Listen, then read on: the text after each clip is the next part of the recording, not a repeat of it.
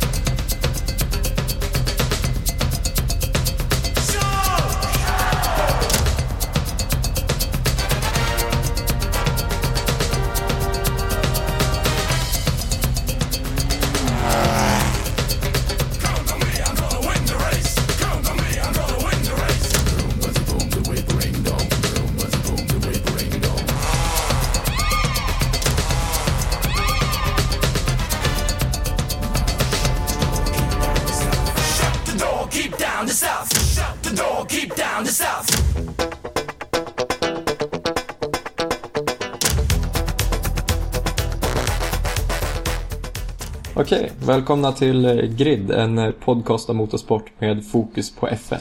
Vi är inne på avsnitt nummer tre, redan. Det har gått fort där. Ja, det är roligt. Jag har tagit mig tillbaka till eh, västkusten igen efter en liten tripp i hemtrakterna, Salområdet. Var även hemma hos Filip förra veckan då, spelade in avsnitt. Det var mycket kul att träffa dig i verkliga livet så att säga. Vi sitter ju vanligtvis på olika ställen. Men det funkar ju bra det med, med moderna teknikens hjälp, så att säga. Hur är det med, hur är det med dig i veckan? Jo, det rullar på. Tillbaks till verkligheten, tillbaks till skolan, så... Ett tag till står man väl ut, sen är studenten och allting. Ja, det börjar väl dra ihop sig för dig. Det är inte många dagar kvar nu. Nej, vad räknar vi kvar till? 74 dagar eller vad var det? Sen är man fri ett tag. Vad härligt, vad härligt. Vad ska du göra efter skolan? Har du någon planer än? Nej, det blir att sommarjobba till att börja med och sen får vi väl se vart, vart jag beger mig i landet. Det låter härligt det. Vi eh, är inte här för att prata skitsnack direkt utan vi ska gå vidare eh, och prata inför Malaysias GP. Eh, så vi går väl in på det nu.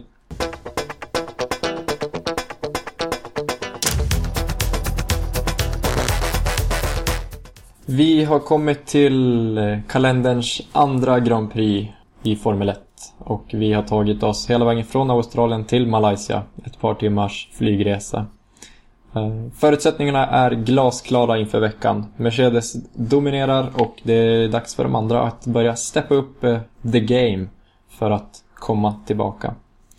Eh, Malaysia är en otroligt utmanande bana och det kan mycket möjligt vara den svåraste på hela kalendern med långa raksträckor, korta raksträckor, långa kurvor, korta kurvor. Den har liksom allt. Eh, Nivåskillnader. En, eh, det är en ganska välbyggd bana måste jag säga sen den tågade in i början där. Eh, Eller i slutet av 90-talet. Eh, Vad tycker du om Malaysia? Nej, men det är en härlig bana. Nu efter Albert Park som inte är en racingbana på samma sätt så är det skönt att verkligen dra igång säsongen på riktigt. Ja, men det här är ju som en, det är en riktig motorbana om man får säga så. Albert Park är ju mer ett ihopplock, en liten parkbana. Eh, Medans eh, Sepang då, International Speedway, är en, eh, en helt annan historia än vad vi tidigare har sett på kalendern. Och det brukar bjuda in till spännande race, vanligtvis. Ja, det ska bli kul att se om det blir spännande även detta år. Det tror jag absolut att det kommer bli. Om man ser till det första racet som bjöd på det mesta faktiskt, måste man säga. Så ja, jag tycker det är ett eh, intressant startfält i år. Malaysia är också spännande för de yttre förutsättningarna spelar ju en fantastisk roll i det här. Med eh, ofta väldigt tryckande värme, eh, hög luftfuktighet och eh, ja, Ja, det är helt underbart. Det är ett, det är ett riktigt pang-race helt enkelt. Ja, det brukar kunna bli det. Även om jag Ja. personligen har lite svårt för banlayouten så ja, jag tycker det, det blir intressanta race på den, helt klart. Ja, absolut. Sen har vi också det här med regn, kan ju spela roll. Det har vi sett tidigare i år. Och jag menar när det regnar. När det regnar i Asien, då regnar det. Ja. Eh, men om man går in på, på själva startfältet, av vilken bil skulle du säga är bäst anpassad för banan? Vad krävs utav materialet? Nej, men Mercedes är väl bäst på alla banor, är det inte så? Jo, det skulle jag väl säga. Ja. Det krävs väl aerodynamik på den här banan och det krävs ju även topphastighet då du har långa rakor. Så det, det krävs ju en bil som är anpassad för det mesta.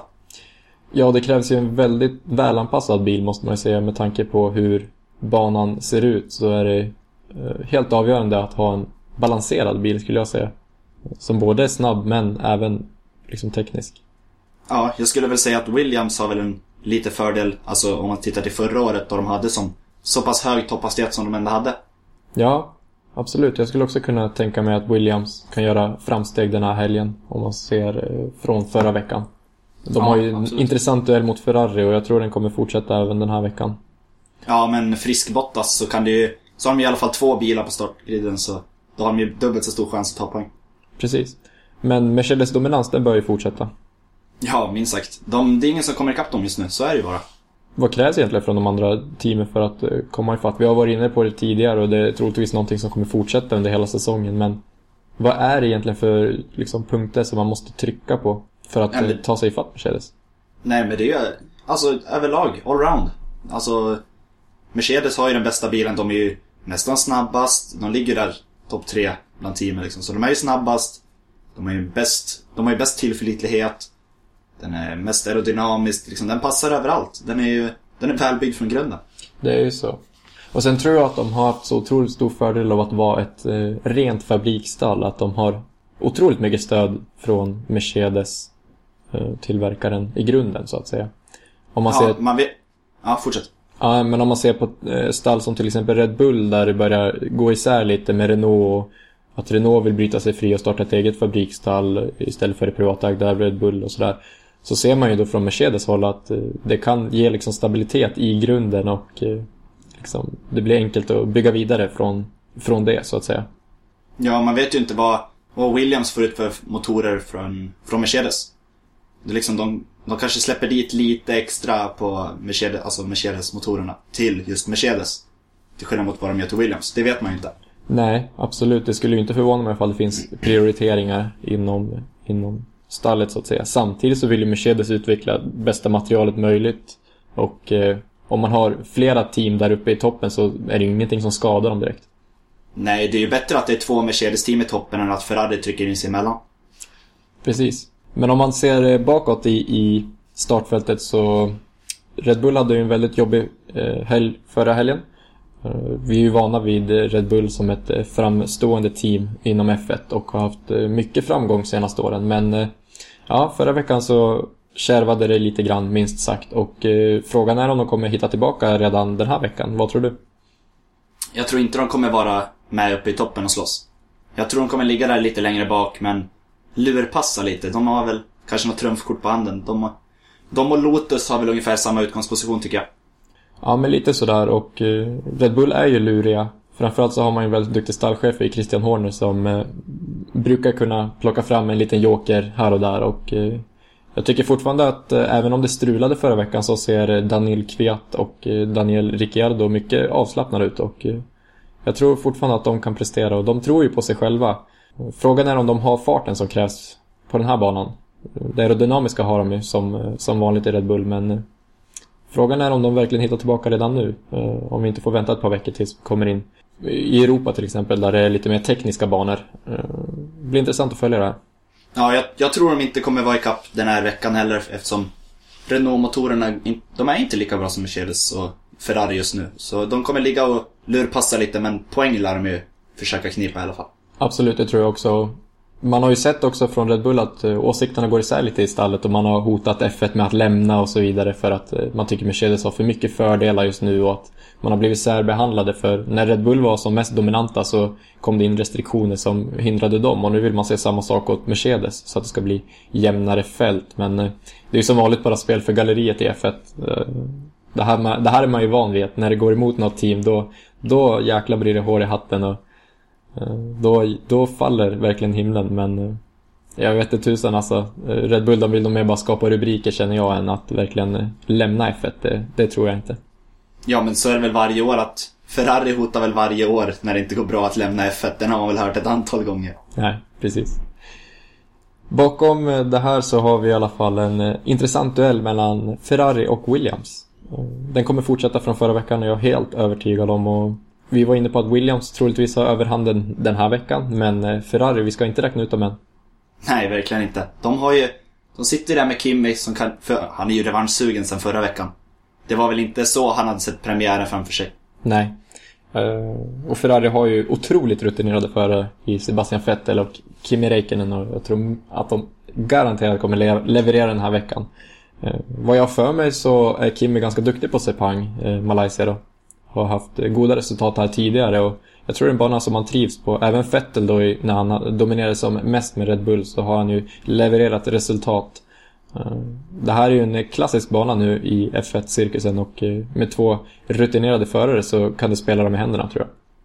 Ja, jag tror de kommer leverera en kanonhelg den här helgen också. Det återstår att se om de blir, kanske blir fyra eller trea där bakom Mercedes. Jag tror kvalet eh, kan bli ganska avgörande den här helgen. Jag tror det kommer vara bättre tillförlitlighet på bilarna. Man kommer ha ordning på, på grejerna på ett helt annat sätt den här veckan med lite rutin och lite skit bakom spakarna som har blivit bortrensat så att säga. Så jag tror kvalet kommer bli mer intressant att följa den här veckan då det kommer ha en mer avgörande roll. Ja, förhoppningsvis så får vi inte se något skit vid depåstoppen heller utan att alla har vänsterbaks mörkterdragare under kontroll den här veckan. Precis, det där är ju en eh, följetong som vi kommer eh, följa med hela säsongen hur depåstoppen utvecklar sig. För som sagt, förra veckan var det riktigt usla depåstopp överlag. Eh, och ja, det blir intressant att se ifall de har förbättrat sig.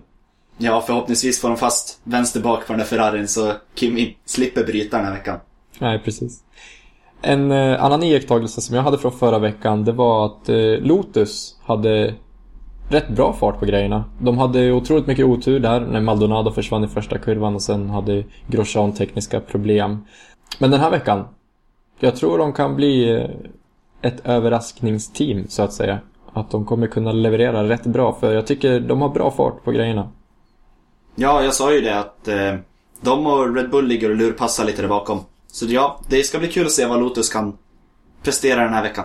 Ja, absolut. Jag tycker bilen också är fantastiskt, fantastiskt snygg i år. Med sin nya nos. Den ser verkligen klassiskt eh, Den ser verkligen ut som en klassisk Formel 1-bil måste jag säga. Jag tycker den, de har verkligen lyckats på det planet. Och, eh, Ja, jag gillar svart och gulda. Den känns väldigt, som vi sa innan säsongen, att den känns väldigt kaxig och jag tror att eh, ja, det spelar dem väl i händerna att vara lite underdogs just nu. Lotus, ja. är, ju, Lotus är ju ett anrikt team minst sagt och eh, ja. Förhoppningsvis får de väl ut lite, lite mer kräm i den där Mercedes-motorn som de åker i år så slipper de sluta som förra året. Ja, nej precis. Minskar de tekniska problemen det enda som gäller för Lotus, då, då kommer de kunna vara med där och plocka en hel del poäng tror jag. Ja, det tror jag absolut. De hade ju också ett bottenår i fjol och är revanschsugna. Så jag tror förhoppningsvis så levererar de en bra helg. Och det är ju inte minst sagt bra för sporten. Nej, verkligen. Jag tycker Lotus är, som vi sa, ett anrikt team och de ska vara högt upp. Det, det är kul. Det är bra för sporten. Vidare så är det ju dags för Sauber att börja bevisa sin goda försäsong. Och med det så menar jag att man levererade ett fantastiskt resultat eh, förra veckan. Eh, hela försäsongen var ju rent av fantastisk för Sauber, måste man ju säga. Ett stort fall framåt från förra året. Samtidigt så den här veckan så kommer det troligtvis vara mer bilar på griden. Vi hade ju många bortfall förra veckan och eh, skadade förare hit och dit.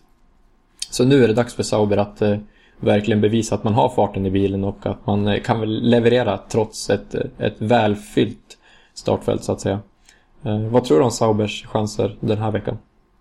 Nej, jag tror de har alla chanser i världen liksom att göra en, en till toppenhelg men det blir svårare att ta poäng den här veckan då det är som sagt, som du sa, fler bilar på griden och jag tror tillförlitligheten och depåstoppsmissarna är något färre den här veckan än senast så. Nej, precis. Och det kan ju spela Sauber väl i händerna då man har visat en god tillförlitlighet på försäsongen. Nu hade ju Marcus väldigt mycket otur förra veckan då eh, hjulupphängningen pajade under kval och så vidare. Vilket sätter lite huvudbry hur eh, bilen egentligen mår. Men sett till försäsongen och sett till resultatet från förra veckan så det är ju bara att bygga vidare på det. Ja, och nu är även van der affären ur världen så då kanske det är lite bättre fysiskt, eller psykiskt i, hos Sauber också. Precis, det där kommer vi in på alldeles strax. Eh, absolut. Yes. Vi, vi tar det lite senare. Det gör vi, absolut. Um, men Malaysias GP, jag tror det kommer bli väldigt spännande och intressant att, eh, att följa. Ja, jag tycker det ska bli jättekul att verkligen, alltså egentligen vara igång på allvar. Albert Park är lite som, lite uppvärmning på idrotten ungefär kan man väl sammanfatta det som. Men nu drar det verkligen igång. Nu är det huvudaktivitet hela vägen.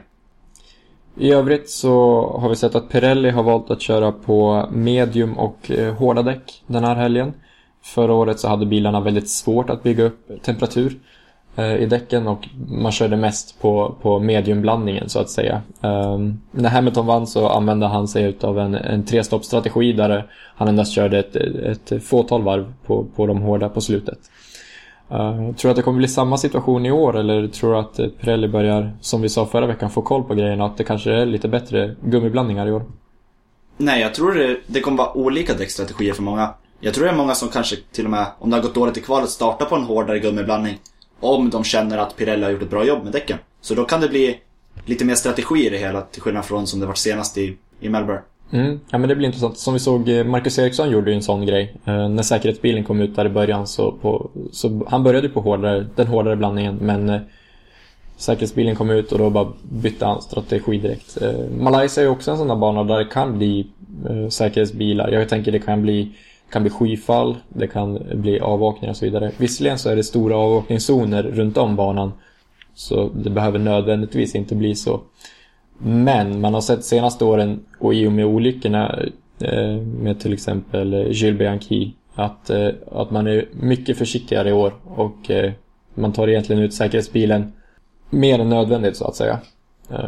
Så det blir intressant att se ifall det, ifall det är en sån situation hur teamen kommer reagera. Och det blir också intressant eftersom att man har flera bilar på griden nu att man kan variera lite strategier mellan förarna.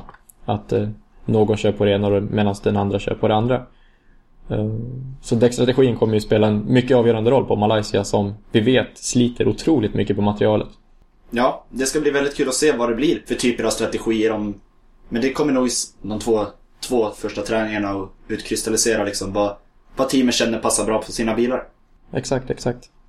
Um, till sist då, för att summera det här. Har vi något, eh, något tips inför helgen? Uh, vilka är dina topp tre och vars kommer Marcus Eriksson att uh, sluta? Uh, jag tror, jag tror, vill och hoppas att Rosberg kniper den här för att det ska Alltså även fast det bara är andra race in i säsongen så är det väl roligt om de tar varannan i alla fall. Så spänningen håller i sig. Så jag sätter Rosberg etta och då blir väl Hamilton tvåa då. Uh, tredje plats. Nej, jag tror Bottas är, är sugen på att leverera i första racet för säsongen. Och eh, vad, Eriksson. Nej, jag, jag, tror han missar poäng med minsta möjliga marginal. Jag tror han blir 11. Okej, okay. då har vi Philips tips. Eh, jag, eh, Douglas, tipsar att eh, jag tror att Hamilton kommer bygga vidare på sin eh, goda form från förra helgen. Eh, utan tekniska problem så kommer Hamilton att vinna. Han har råfarten och han har, han har skickligheten för att ta hem det i, även, även i Malaysia. Eh, så Hamilton etta. Jag tror att Rosberg kommer komma tvåa. Eh, det blir svårt att, för något annat team att hota Mercedes. Sen på tredje plats så tippar jag också Bottas faktiskt. Han är revanschlysten och snabb. Jag tror även Williams kommer passa bra på Malaysia. Eriksson, jag tror att Eriksson blir nia i det här racet.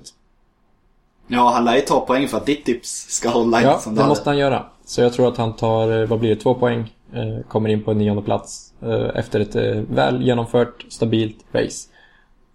Det är mitt tips för, för veckan. Ja, jag, jag sitter och tänker här. Tänk om Mercedes-förarna gör som på spa och kör av varandra. Ja. Då har vi en helt annan situation. Ja, det är ju inte omöjligt om man säger så. För den där konkurrenssituationen, eh, den blir kul att följa.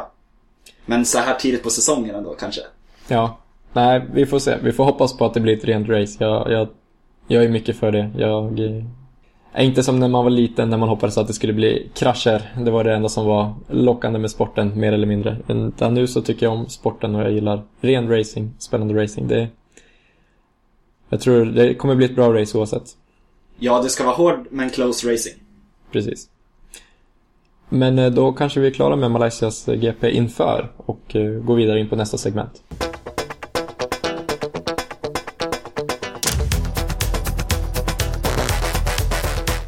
Då har vi kommit in på upploppet som vi presenterade förra veckan. Vårt ja, halvnya segment blir det väl nu. Då vi tar en nyhet i veckan och eh, diskuterar lite, lite extra bara för att få lite, lite mer matnyttig information så att säga. Och den här veckan så diskuterar vi det anrika stallet McLaren. Uh, vi har fått eh, färska nyheter om att eh, Alonso kan mycket möjligtvis köra i helgen för McLaren. Och Filip, vad skulle det här betyda för McLaren? De får ju tillbaka sin stjärna som de plockade tillbaka inför säsongen. Eh, han har lyckats med sina tester i Cambridge under, eh, när var det, söndags. Men det är ju inte bekräftat än och det kommer väl någon, gång- någon gång under veckan. De ska ju följa läkarens råd. Även fast det inte har kommit några nu så lyckade tester är ju alltid positivt. Precis, eh, för att vara lite tydlig så spelar vi in det här på en måndag då, eh, den 23 mars. Och det här är nyheter som kom ut igår, helt enkelt. Men det blir intressant att se. Alonso är en sån där förare som eh, troligtvis den allra bästa föraren i hela, i hela, på hela griden skulle jag säga. Det såg man ju framförallt i Ferrari förra året att trots väldigt undermåligt material så kom han eh, egentligen alltid på en topp 5-plats mer eller mindre och eh, plockade hela tiden stadiga poäng åt Ferrari. Jag tror att eh, han kan göra något liknande åt McLaren även om inget ont om, om Jenson Button men Fernando Alonso han har det där lilla, lilla extra. Uh, överlag då, McLaren. Vad behöver de egentligen göra för att få skutan på rätt köl? Vi har sett uh, en eh, fantastiskt dålig försäsong ifrån dem. Uh, där deras motor har väl mer eller mindre sagt adjö och rent aerodynamiskt ser ju bilen helt okej ut måste man väl ändå säga med ja, en ganska standard design för året. Uh, ingenting häpnadsväckande direkt men uh, den ser liksom stabil ut. Det är väl egentligen bara motorn som måste börja leverera. Ja, de har ju inge, ingen effekt alls i den här bilen och det är ju på grund av att de inte har tillförlitligheten. Honda har ju misslyckats något fatalt liksom i år. De gjorde ju det alla andra gjorde förra året så de ligger ju ett år efter. Mm. Frågan är hur de egentligen kan ha halkat så, så långt efter. Eh, Jag känner att eh, Honda är ju ett väldigt etablerat, eh, en etablerad motortillverkare i världen så att säga. Och eh, Formel 1 är ju, det är ju strikt och styrt men lite mer information och lite, lite bättre förförståelse kan man väl ändå önskat att de hade haft inför året. Ja, absolut. Jag, jag förstår inte alls hur de kan ligga, ligga så långt efter egentligen. Det är för mig nästan till obegripligt.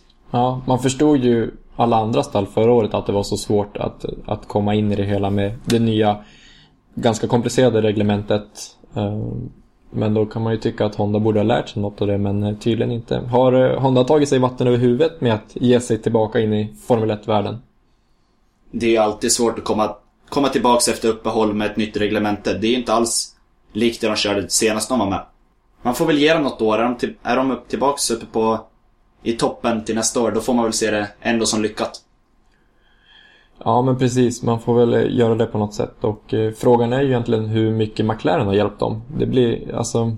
Det där har alltid förbryllat mig att McLaren ändå...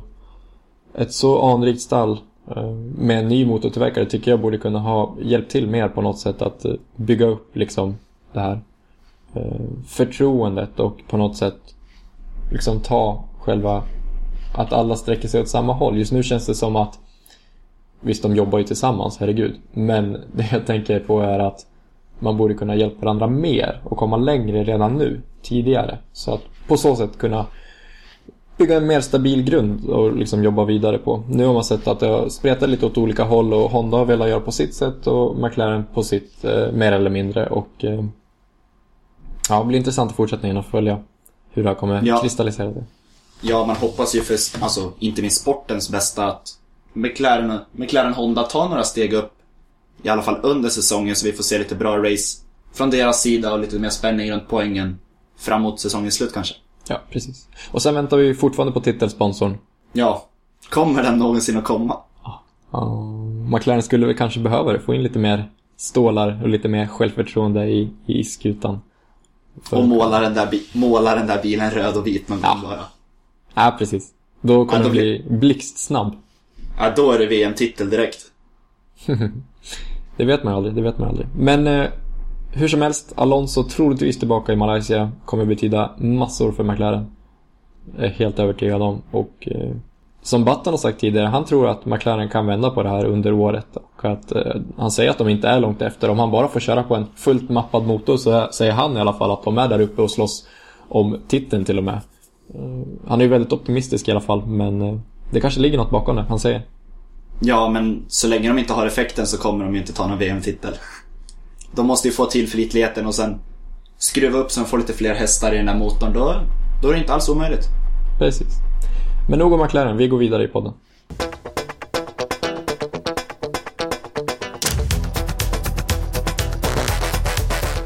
Det börjar bli dags att eh, summera ihop den här eh, podden, avsnitt nummer tre utav Grid Podcast. Eh, men först har vi lite fler nyheter att eh, ta upp eh, som har hänt under veckan.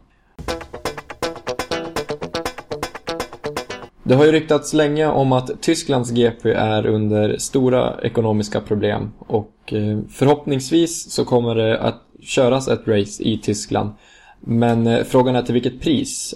Mercedes, de vill ju verkligen ha ett eget hemmarace att, att, eh, att få ja, köra helt enkelt inför sin hemmapublik. Eh, och Filip vet lite mer om det här. Ja, tidigare i veckan kom ju beskedet att de kom ju inte överens och det blev inget Tysklands GP i år. Det är ju väldigt tragiskt. Varken Nürburgring eller Hockenheim kunde slanta upp pengarna som behövdes för att få ett Grand Prix dit. Och det är ju som sagt det är ett bakslag för Mercedes som går miste om racet på hemmaplan den här säsongen och Mercedes var länge med i förhandlingarna och gjorde vad man... Alltså försökte få till en lösning så att de kunde få racea på hemmaplan. För det är ju viktigt för dem att se, låta sponsorer och samarbetspartner komma dit liksom till deras hemmaplan och uppleva racet. Så.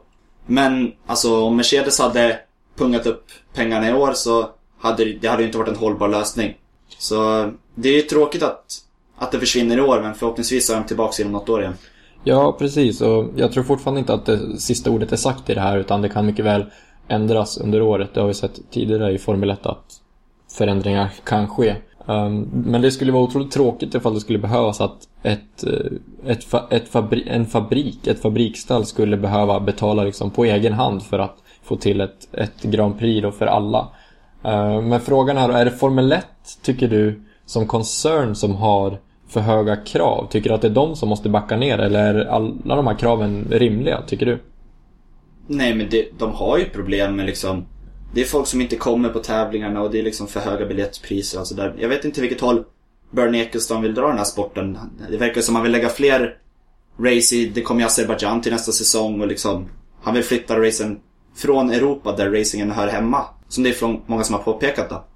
Så eh, det känns som man bara vill pumpa in pengar i den här sporten och glömmer bort det. Ibland känns det som man glömmer det väsentliga. Ja, det här är en ekvation som inte riktigt går ihop för mig. För även om det är pengarna som talar så tycker jag att ett race i Europa, alltså racen som är i Europa, ger så otroligt bra exponering för Formel 1 som varumärke. Eh, om man har kvar de här klassiska racen, jag tänker på Monaco, jag tänker på Monza, Barcelona. Man har liksom alltid kört här och det är på något sätt kärnan i själva Formel 1-cirkusen.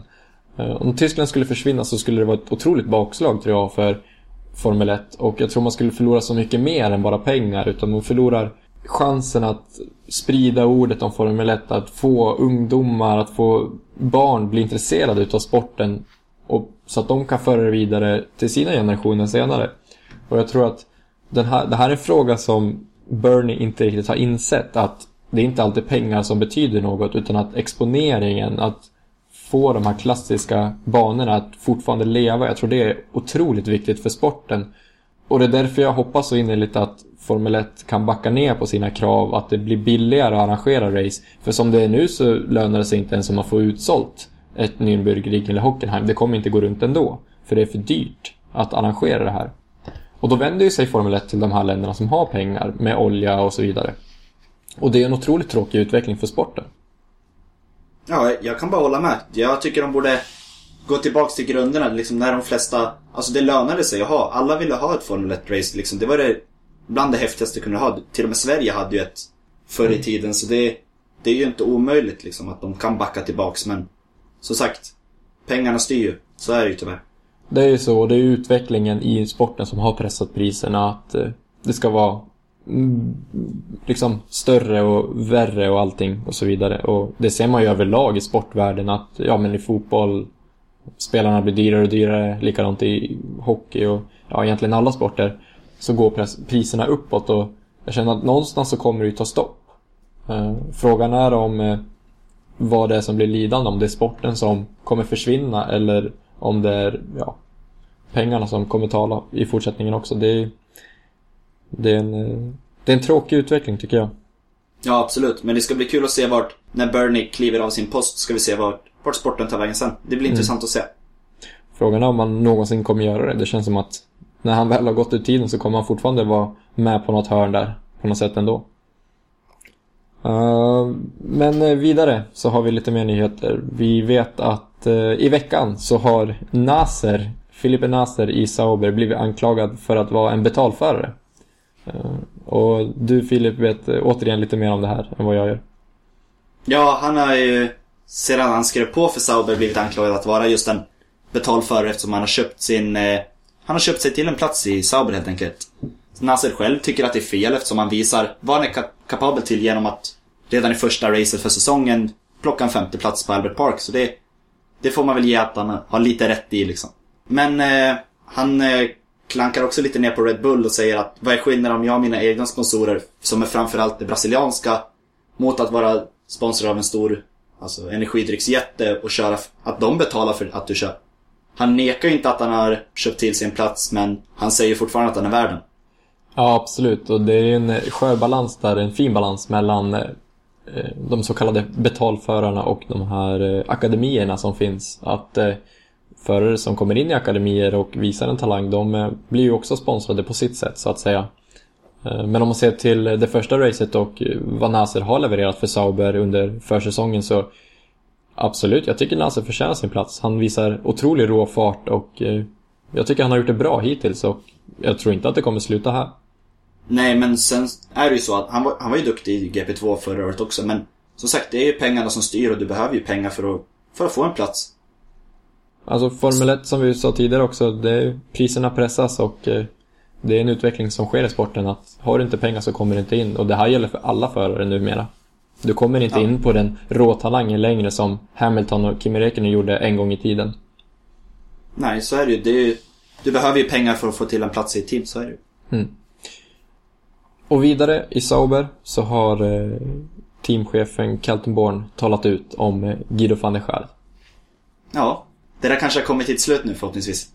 Du tror det? Han, ja, han har ju dragit, dragit tillbaka sina rättsliga försök att få köra.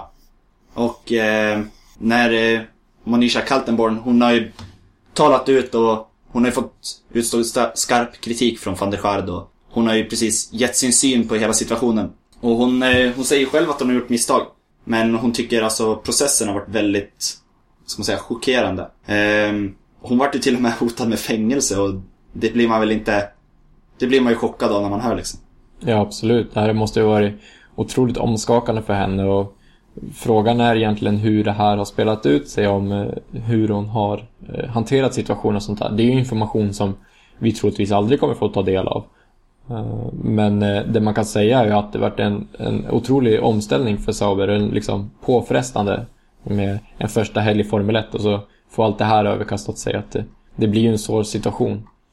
Uh, van der Schert, han fick i alla fall otroligt mycket pengar. Det ryktas ju om eh, 15, 15 miljoner euro. Eh, och det här tror man också kan ha kommit från Peter Saubers egna ficka. Ja, det kommer man ju aldrig få veta heller. Men Monisha Kaltenborg menar också att hon har ju till och med sagt om om van der Schaad hade fått en licens av FIA, superlicensen som han då saknade, då hade han verkligen gjort allt. Alltså, då menar hon allt för att han skulle få köra. Alltså han hade, han hade tagit till allt som krävdes för att få sitta i den där Saubern och ratta i år. Och det var ju som vi sa förra veckan också, hur kul är det egentligen för Guido van der Schaert att köra i ett team som inte ens backar honom? Eh, jag, jag har jättesvårt att se den här situationen på något annat sätt än att han egentligen ville ha pengarna. Även om han har uttalat sig att han ville köra och så vidare så jag, jag tror inte att det hade varit speciellt bra för varken honom eller för Sauber eller för någon i Formel 1 egentligen. Nej, men det var ju Kaltenborn som hade gjort ett misstag och hon fick, det kostade teamet dyrt helt enkelt. Mm. Mm. Hon fick betala priset så att säga.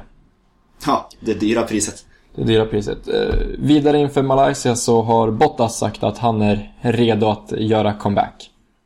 Ja, det ska bli kul att se vart, om man kan kliva upp på pallen som jag, som jag tippade honom. Ja. Han, han är ju tillbaks av, efter ryggskadan då. Så det ska bli kul att se. Frågan är hur påfrestande det här är för honom att, eh, att eh, ha missat ett race, att ha lite problem med ryggen. Jag tror inte att det är helt hundra än. Eh, det är ändå en relativt omskakande skada som han har haft. Ryggen är ju otroligt viktig för en Formel 1-förare eftersom att du, du sitter mycket. Och Malaysia är ju en relativt slät bana med, med rätt bra asfalt så att säga. Men det går mycket upp och ner och det är mycket påfrestningar. Mycket G-kraft jämfört med Australien. Men jag tror ändå att eh, det här kan bli, det här kan bli en storstilad comeback för Bottas. Vi har ju bollat upp på tredje plats då inför racet och eh, ja men Bottas han är snabb. Ja, det är, det är en riktigt underbar förare. Man såg ju förra året hur, hur mycket han tog i i den där Williams-bilen alltså. Det var kul att se och jag hoppas han kan upprepa och ta en tredje plats den här veckan. Mm, mm. Ja.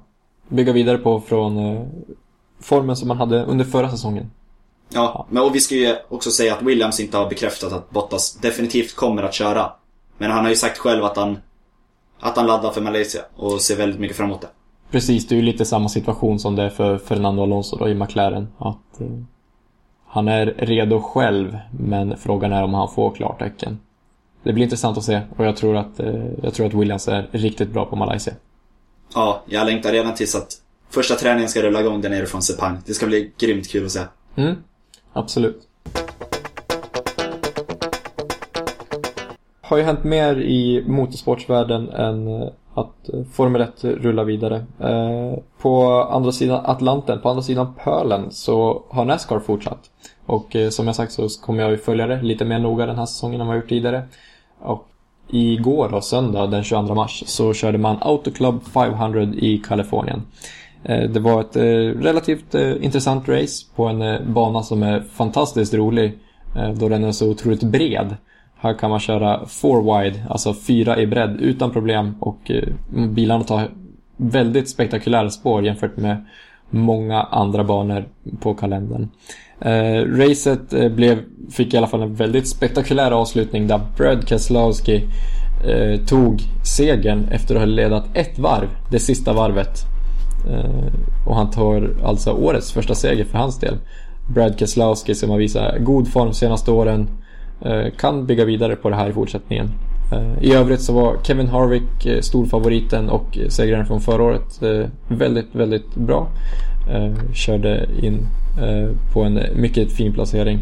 Även Kurt Busch som har kommit tillbaka från sin avstängning levererade ett fint resultat. Uh, I övrigt så har vi MotoGP på gång och eh, premiären närmar sig även där i helgen. Vi har väl inte jättemycket att säga om det egentligen förutom att vi är lite taggade ändå. Ja, det ska bli grymt och kul att se. Det kommer bli en riktig motorsporthelg. Helgen som kommer med både MotoGP, det är ju Formel 1 såklart, men det är väl även Nascar då också. Ja, Nascar rullar vidare även de. Så det ska bli kul att se. Ja, absolut. Jag är, jag är riktigt pepp faktiskt. Och det här kommer också bli första säsongen för mig som jag faktiskt följer MotoGP. Det har jag inte gjort tidigare. Eh, speciellt seriöst. Även om jag tycker om idén eh, med motorcyklar på hjul. Kommer man kliva ifrån TV någonting eller? Ja, eller blir, helgen menar jag. nej, det blir svårt. Alltså det, det kommer, alltså helgen som kommer blir en riktig motorsporthelg. Man kommer inte lämna rummet nästan. nej, nej, det kan ju mycket väl bli så. Eh, så länge det inte händer några andra roligheter. Men eh, ja, mycket Nej. motorsport på gång. Den här helgen då är det motorsport, allt annat, allt annat får vänta. Ja, precis, precis. Eh, känner vi oss klara för den, här, för den här veckan? Vi har diskuterat Malaysia, vi har pratat lite andra nyheter, eh, lite Nascar och MotoGP. Är det något mer på motorsportskalendern som du ser fram emot eller något annat som har hänt? Nej, jag ser som vanligt fram emot rallycrossen. Ja. Det är en av de bästa motorsporterna som finns. du tycker det alltså? Det är mäktigt där. När de rullar igång. Det är, det är en blandning av de flesta sporter, alltså motorsporter du kan hitta. Det är ju farten, det är ändå kaoset som blir i rallycross. Så det är, ja, det blir kul. Härligt. Det går även rykten om att eh, Filip, du ska börja köra folkrace. Ja, det kan mycket väl bli så i sommar. Hur, hur känns det? Är du taggad? Det ska bli kul. Det ska bli kul. Inga konkreta nyheter än, men det här får vi gräva vidare i sen när vi vet mera kring Philips eh, folkrace-karriär som det då blir. Ja. ja, men mer om det sen. Mer om det sen. Vi går inte in på, vi går inte med, på det just nu, utan vi tar det, vi tar det sen när det blir mer aktuellt. Kontraktet är inte påkritat än. Det är inte det, nej. Som vanligt så får ni följa oss på Twitter och eh, numera på Facebook. Eh, var gärna med och tippa nästa race med oss. Vi vill veta ettan, tvåan, trean och eh, Marcus Eriksson kommer sluta. Vi har inte kommit på något pris än eh, för eh, eh, Marcus Erikssons poängtips som jag och Filip har gjort. Men vi ska spåna vidare på det och eh, till slut så kommer vi komma på något fantastiskt som den andra måste utsättas för eller få Om det är någon som har ett förslag så får ni gärna skriva till oss på Twitter. Vi är inte så... Vi har inte så mycket koll på vad man kan utsätta sig för. Nej, precis. Det, det skulle underlätta om ni är med också. Uh, men då har vi väl inget mer för den här veckan utan vi är tillbaka nästa vecka med en summering av Malaysias GP. Vi kommer även summera MotoGP då och uh, blicka vidare i Nascar. Uh, så ja, tack för den här veckan. Tack själv. På återhörande. Hej. Hej.